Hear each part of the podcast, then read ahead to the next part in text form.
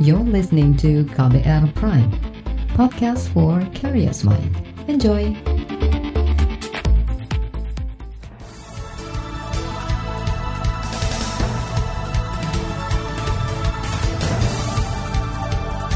Selamat pagi saudara, kembali kami menemani Anda pagi hari ini dengan sejumlah informasi pilihan di Buletin Pagi. Saya Eka Juli. Dan saya Don Brady, kami telah menyiapkan sejumlah informasi terkini, di antaranya kepolisian bongkar belasan kasus penimbunan masker. Jelang Ramadan, harga sejumlah komoditas bahan pokok naik. Wali Kota Medan Zulmi Aldin didakwa terima suap 2 miliar rupiah. Inilah selengkapnya Buletin Pagi KPR.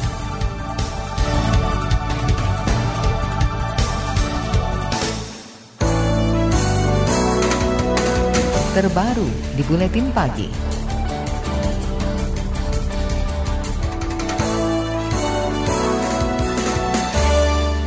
Kepolisian Indonesia membongkar belasan kasus penimbunan masker dan hand sanitizer dalam dua hari terakhir. Juru bicara Polri, Asep Adi Saputra, mengungkapkan Kasus penimbunan itu terjadi di wilayah hukum Polda Metro Jaya Jawa Timur, Jawa Barat, Jawa Tengah, Banten, Kepulauan Riau, Sulawesi Selatan, Kalimantan Barat, dan Kalimantan Timur. Ia menegaskan pelaku penimbunan masker dan hand sanitizer terancam hukuman pidana karena melanggar undang-undang perdagangan. Menurut Asef, motif penimbunan umumnya dilakukan para pelaku karena faktor ekonomi. Tapi penimbunan itu tidak hanya sekedar penimbunan saja, tetapi yang saya jelaskan tadi, Misalnya kalau mis masker itu ada yang tidak sesuai dengan SNI, itu kan juga pelanggaran hukum. Ada yang juga recycle atau reconditioning, ya rekondisi ya, itu yang sudah bekas lalu diinikan. Gitu. Nah itu kategori yang tadi, yang pertama, ya. Dan hand sanitizer. Nah jumlah kasusnya untuk itu dia sebanyak 12 kasus. 12 kasus itu ada 25 tersangka. Juru bicara Polri Asep Adi Saputra juga menjelaskan penimbunan masker dan hand sanitizer semakin marak menyusul kepanikan masyarakat terhadap wabah COVID-19 atau virus corona. Sementara itu PT Raja Wali Nusantara Indonesia atau RNI saat ini masih menunggu bahan baku dari Prancis untuk memproduksi satu juta masker. Direktur Utama RNI Eko Taufik Wibowo mengatakan impor bahan baku dari Prancis dilakukan lantaran bahan baku masker dari Cina sudah habis akibat wabah COVID-19. Eko mengatakan pengadaan impor bahan baku masker itu untuk mengantisipasi kebutuhan masker di dalam negeri dan juga untuk keperluan pelaksanaan ibadah haji tahun ini. Menurut Eko, bahan baku masker yang diimpor dari Prancis, terutama lapisan dalamnya yang mengandung unsur obat atau hal lainnya.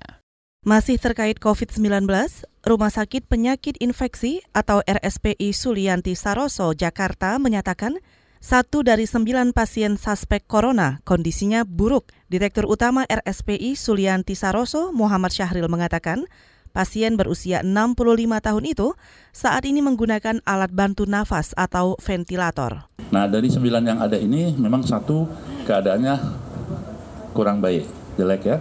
Karena dikirim dari rumah sakit swasta di sini dan di sana sudah dirawat selama satu minggu ya, dan pakai ventilator ya. Jadi dikirim ke sini pakai pakai ventilator. Jadi sudah umurnya 65 tahun dan ini agak eh, memang kurang baik keadaannya. Tetapi dari delapan yang ada, alhamdulillah uh, semuanya stabil baik. Direktur Utama RSPI Sulianti Saroso Muhammad Syahril menambahkan, pasien itu saat ini masih menghuni ruang isolasi dengan penanganan yang sama dari delapan pasien lainnya. Syahril tidak menyebut secara jelas rekam hubungan pasien berkondisi buruk ini dengan pasien positif corona. Ia hanya menyebut lima dari tujuh pasien dalam pengawasan atau PDP pernah kontak dekat dengan pasien positif. Sementara itu Kementerian Kesehatan menyebut delapan dari sembilan pasien dalam pengawasan PDP di RSPI Sulianti Saroso berkaitan dengan pasien positif 01 dan 02. Kesimpulan itu ditemukan dari hasil rekam jejak dua pasien positif COVID-19. Hasil pemeriksaan menyeluruh ke sembilan pasien dalam pengawasan itu baru akan diketahui pada Senin pekan depan. Pemerintah akan menggunakan rumah sakit swasta jika rumah sakit rujukan untuk pasien COVID-19 kelebihan kapasitas daya tampung. Hal ini disampaikan juru bicara pemerintah untuk penanganan COVID-19 Ahmad Yuryanto menanggapi kesediaan rumah sakit swasta di Jakarta untuk menerima pasien terkait virus corona. Namun ia tidak menyebutkan rumah sakit swasta mana saja di Jakarta yang sudah menyatakan kesediaannya itu. Beberapa rumah sakit swasta juga berkontribusi, tetapi mereka mengatakan kami tidak usah dimasukkan sistem Pak, nanti kalau memang sudah penuh semua kami akan terima. Ya, tapi mereka memiliki kemampuan untuk itu. Juru bicara pemerintah untuk penanganan COVID-19 Ahmad Yuryanto menyebut saat ini ada delapan rumah sakit di Jakarta yang menjadi rujukan pemerintah untuk merawat pasien terduga atau terinfeksi COVID-19.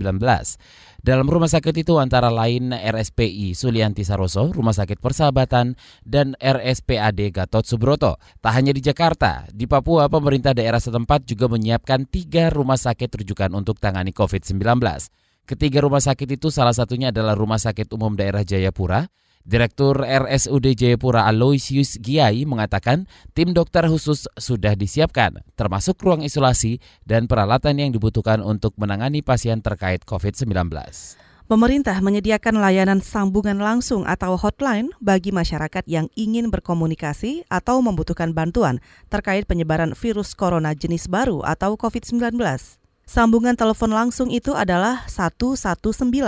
Semula pemerintah menggunakan dua nomor dengan digit panjang, namun sekarang diintegrasikan demi kemudahan. Nomor 119 merupakan saluran panggilan gawat darurat yang berlaku secara nasional dan dioperasikan Kementerian Kesehatan. Puluhan anak buah kapal pesiar Diamond Princess saat ini telah dipindahkan dan masuk ke lokasi observasi virus corona di Pulau Sebaru Kecil, Kepulauan Seribu, Jakarta. Menurut Panglima Komando Tugas Gabungan Terpadu Kospat Gappat Yudo Margono, hanya 68 ABK yang dipindahkan sedangkan satu lainnya masih menjalani pemeriksaan lebih lanjut. Mengutip antara para ABK itu sebelumnya dijemput dari Jepang karena kapal pesiar tempat mereka terdapat penyebaran virus corona. Mereka dijadwalkan menjalani observasi selama 14 hari. Presiden Jokowi kecewa dengan hasil program tol laut. Informasinya sesaat lagi, tetaplah di Buletin Pagi. You're listening to KBR Pride, podcast for curious mind. Enjoy!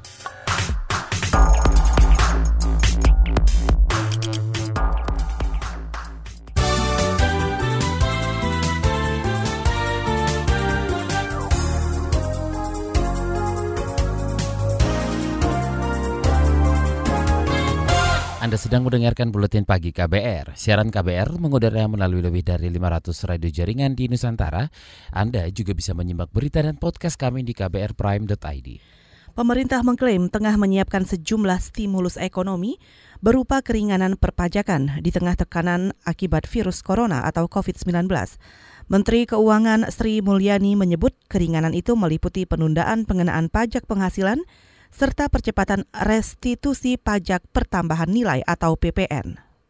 Kita mempertimbangkan semua ya, PPA 21, 22, bahkan 25, uh, kita akan lihat semuanya, uh, termasuk restitusi PPN yang dipercepat untuk terutama para reputable.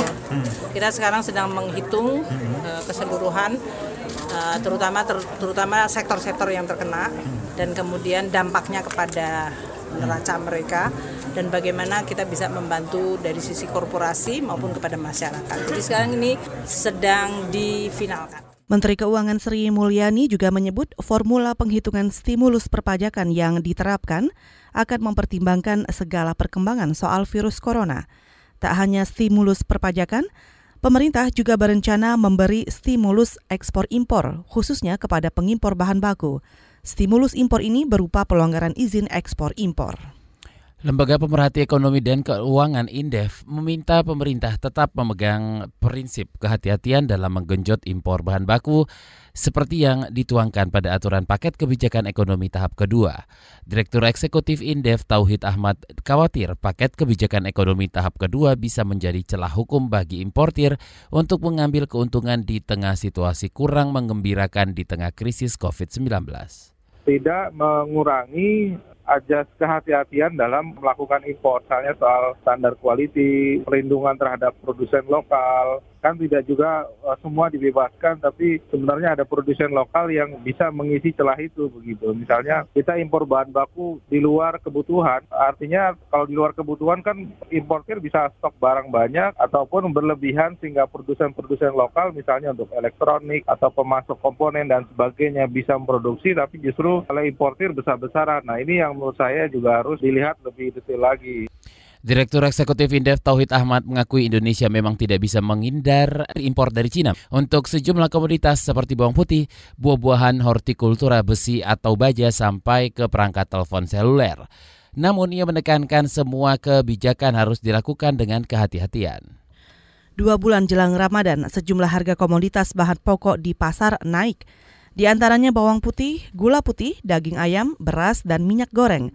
Sekjen Asosiasi Pedagang Pasar Indonesia Ngandiran mengaku tidak mengetahui apa yang menjadi penyebab naiknya harga ini.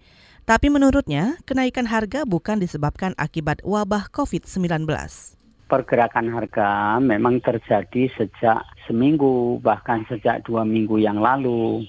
Uh, artinya uh, belum ada pengumuman ini pun itu memang barang itu sudah mulai uh, stoknya menipis di pasar.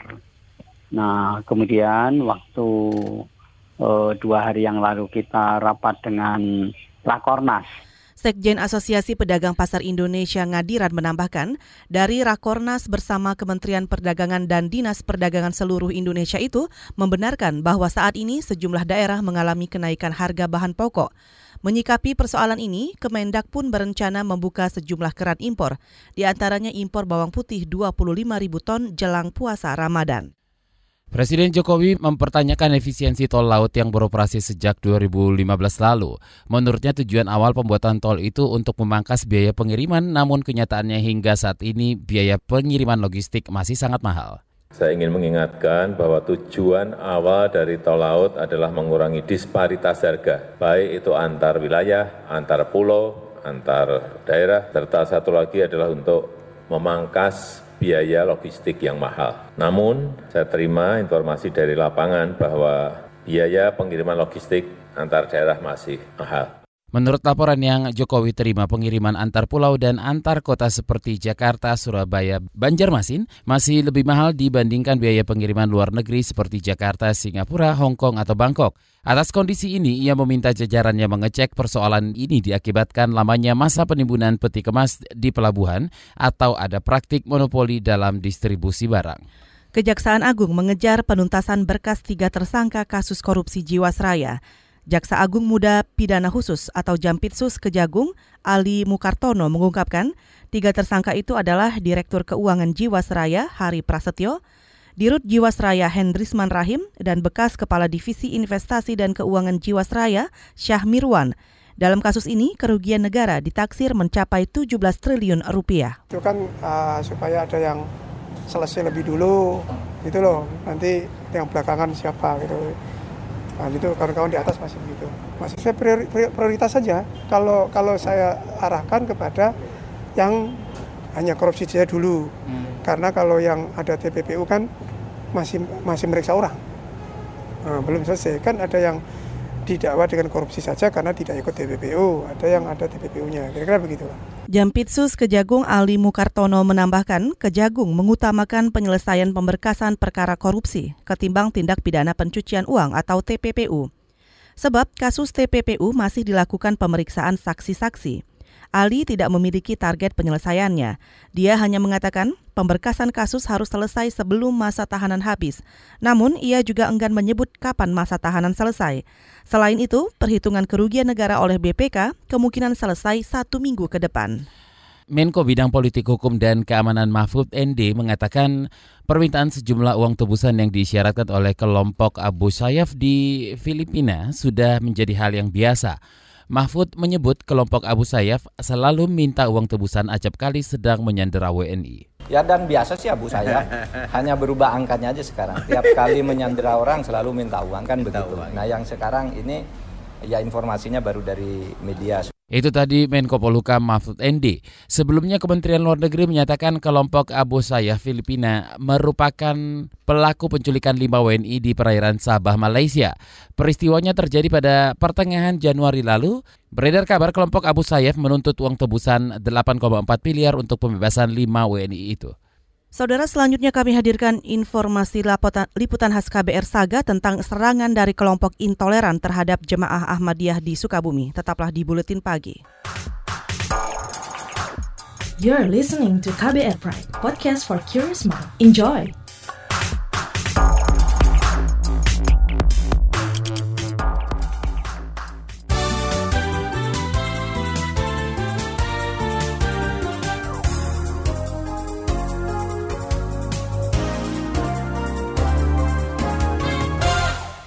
Terima kasih Anda masih mendengarkan Buletin Pagi. Saatnya kita simak laporan khas KBR. Jemaah Ahmadiyah kembali mendapat serangan dari kelompok intoleran. Renovasi Masjid Ahmadiyah Parakan Salak Sukabumi Jawa Barat dihentikan aparat. Aturan negara dan penolakan warga menjadi dalih lama untuk menyingkirkan kelompok minoritas. Simak laporan yang disusun tim KBR dibacakan Astri Yuwanasari. Jemaah Ahmadiyah Parakan Salak Sukabumi Jawa Barat tampaknya harus kembali menyimpan mimpi untuk bisa beribadah di bulan Ramadan dengan tenang. Harapan mereka menggelar sholat tarawih berjamaah di masjid sendiri pupus untuk kesekian kalinya. Pada 19 Februari lalu, proses renovasi Masjid Al-Furqon mendadak dihentikan aparat daerah dan kepolisian. Ketua Jemaah Ahmadiyah Parakan Salak, Asep Saipudin mengatakan, masjid itu kemudian disegel tanpa ada surat resmi, apalagi keputusan pengadilan. Karena katanya di masyarakat sudah viral, rame ini bahwa masjid dibangun kembali. Bahkan saya tanya, kalau ada masa, masa mana? Kalau mas, mas mana? Gitu. Nah, hmm. Pak Kapolsek saya itu jawabnya, Pak saya mah tidak mau debat gitu. Datang saya ke sini ini melindungi bapak-bapak, katanya, ibu-ibu dan warga jemaah Al-Furqan. Eh, versi mereka tentang melindungi itu, bukan kami dalam keadaan sedang melakukan kegiatan dilindungi, justru kami yang ditekan. Jemaah Ahmadiyah Parakan Salak sudah berulang kali menjadi korban tindakan intoleran. Pada 2008 silam, Masjid Al-Furqon dibakar massa karena Ahmadiyah dianggap sebagai aliran sesat. Hingga kini mereka tidak leluasa menjalankan ibadah lantaran masjid disegel. Padahal menurut Asep, jemaah Ahmadiyah telah puluhan tahun menjalani hidup rukun di Parakan Salak sejak 1975. Asep mengaku sudah berulang kali meminta berdialog dengan kelompok yang menolak Ahmadiyah. Namun permintaan itu tidak pernah digubris. Usai proses renovasi di stop dan masjid kembali disegel, jemaah Ahmadiyah mengadu ke Komnas HAM untuk mencari keadilan kami pernah mengatakan, Pak, tolong kami fasilitasi hmm. untuk duduk bersama, silaturahmi lah, gitu. saling menukar paham atau sudah tukar pemikiran, gitu. supaya masalah-masalah pihak-pihak orang yang prediksi jemaat ini bisa cair gitu lah. Tidak tidak hanya praduga doang gitu. Nah sampai saat ini masih belum juga Bu bisa itu dilakukan. Hmm. Komisioner Komnas HAM BK Ulung Hapsara berjanji menindaklanjuti aduan jemaah Ahmadiyah Parakan Salak. BK menilai keberadaan surat keputusan bersama SKB Menteri Dalam Negeri, Menteri Agama, dan Jaksa Agung menjadi salah satu pemicu berulangnya diskriminasi terhadap jemaah Ahmadiyah. SKB yang terbit sejak 2008 silam itu menetapkan Ahmadiyah sebagai ajaran yang menyimpang dari Islam arus utama. Para pemeluknya dilarang melakukan dakwah atau menyebarkan ajaran Ahmadiyah. Soal pelarangan dakwah segala macam ya itu tidak harus langsung ke menteri lahir. Saya kira itu bisa didasarkan kesepakatan artinya negara itu tidak boleh sebenarnya melarang siapa pun untuk uh, berdakwah. Kalaupun kemudian dianggap sesat atau apa ya kemudian ada diskusi atau klarifikasi oleh para pemuka agama dan uh, diskusi itu atau klarifikasi itu tentu saja dengan uh, jalan musyawarah tanpa kekerasan uh, sesuai dengan uh, nilai-nilai sosial yang ada di Indonesia. Begitu. BK mendesak pemerintah segera mengevaluasi SKB pelarangan Ahmadiyah. Ia menekankan bahwa negara harus hadir, melindungi hak konstitusional warganya dalam beragama dan beribadah. Diskriminasi yang dialami warga Ahmadiyah Parakan Salak menambah panjang daftar kasus-kasus intoleransi yang muncul sejak awal 2020. Sebelumnya ada kasus penolakan renovasi Gereja Katolik Santo Joseph di Karimun, Kepulauan Riau. Kemudian aksi perusakan musola di Minahasa, Sulawesi Utara, serta penolakan pembangunan Gereja Baptis Indonesia di Semarang, Jawa Tengah. Terus berulangnya kasus diskriminasi terhadap minoritas seakan menjadi bantahan konkret atas klaim-klaim pemerintah bahwa Indonesia merupakan negara toleran. Salah satunya terlontar dari pernyataan Wakil Presiden Ma'ruf Amin saat dimintai tanggapan tentang konflik antara umat Hindu dan Islam di India. Ma'ruf membanggakan kehidupan beragama di Indonesia yang toleran dan moderat. Sebagai negara yang sama-sama majemuk, kita harap India itu seperti apa yang kita lakukan. Nah itu Peneliti Setara Institut Halili mempertanyakan klaim pemerintah tentang toleransi. Menurutnya, justru negara memfasilitasi kelompok intoleran dengan membuat aturan diskriminatif. Setali tiga uang, penegakan hukum juga sering berdiri di belakang kelompok mayoritas dan menyingkirkan minoritas. Uh, kalau kemudian yang banyak itu dianggap merepresentasikan hak-hak substantif atau hak-hak konstitusional yang sedikit itu bermasalah karena e, sesungguhnya negara ini kan negara satu untuk semua semua untuk satu kita ini negara pluralis yang menjamin kesetaraan hak seluruh anak bangsanya dan itu sampai saat ini menurut saya dalam konteks beragama belum berhasil ditunaikan dengan baik oleh negara. Demikian laporan yang disusun tim KBR, saya Astri Yuwanasari. Selanjutnya kami hadirkan informasi mancanegara dan daerah. Tetaplah di Buletin Pagi. You're listening to KBR Pride, podcast for curious mind. Enjoy!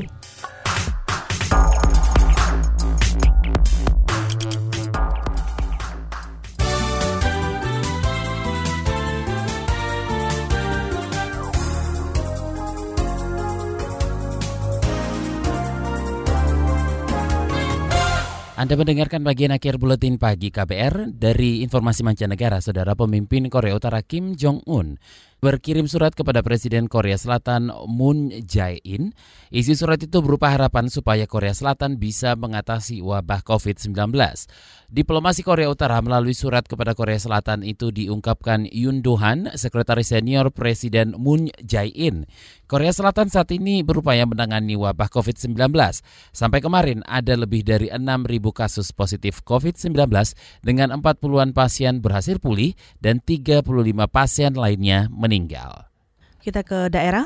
Wali Kota Medan nonaktif Zulmi Eldin didakwa menerima suap 2,1 miliar rupiah dari beberapa kepala organisasi perangkat daerah pemerintah Kota Medan. Hal itu dikatakan penuntut umum dari Komisi Pemberantasan Korupsi atau KPK Iskandar Marwanto dalam sidang perdana kasus suap di Pengadilan Negeri Medan kemarin.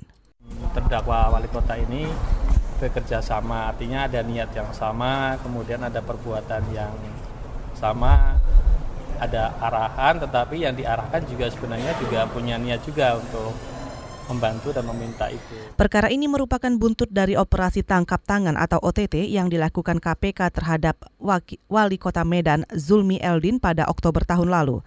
Dalam OTT ini KPK menangkap Zulmi, Kepala Dinas Pekerjaan Umum Kota Medan Isa Ansyari, dan Sekretaris Daerah Medan Syamsul Fitri.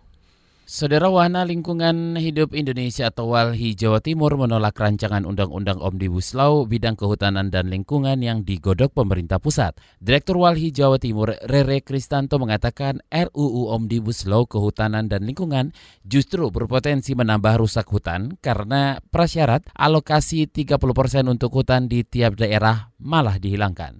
Kalau undang-undang ini disahkan akan semakin banyak industri yang uh, tidak lagi taat kepada uh, tata kelola lingkungan hidup yang baik. Masyarakat juga tidak bisa kemudian mengontrol, memberikan suaranya, partisipasinya. Dan itu akan semakin menyebabkan kerusakan lingkungan yang lebih besar. Sementara itu menurut LSM Konstitusi dan Demokrasi atau Kode Inisiatif, draft Omnibus Law RUU Cipta Kerja Cipta Kerja memunculkan pasal-pasal yang sudah dibatalkan Mahkamah Konstitusi akibat bertentangan dengan Undang-Undang Dasar 45. Pasal-pasal yang seperti itu dianggap seperti pasal zombie oleh Koordinator Bidang Konstitusi dan Ekonomi Kode Inisiatif Rahma Mutiara. Informasi tadi mengakhiri buletin pagi KBR hari ini. Simak terus informasi terbaru melalui kabar baru, situs kbr.id, akun Twitter at berita KBR, dan podcast di kbrprime.id. Saya Eka Juli. Dan saya Don Brady kami undur diri. Salam. Salam.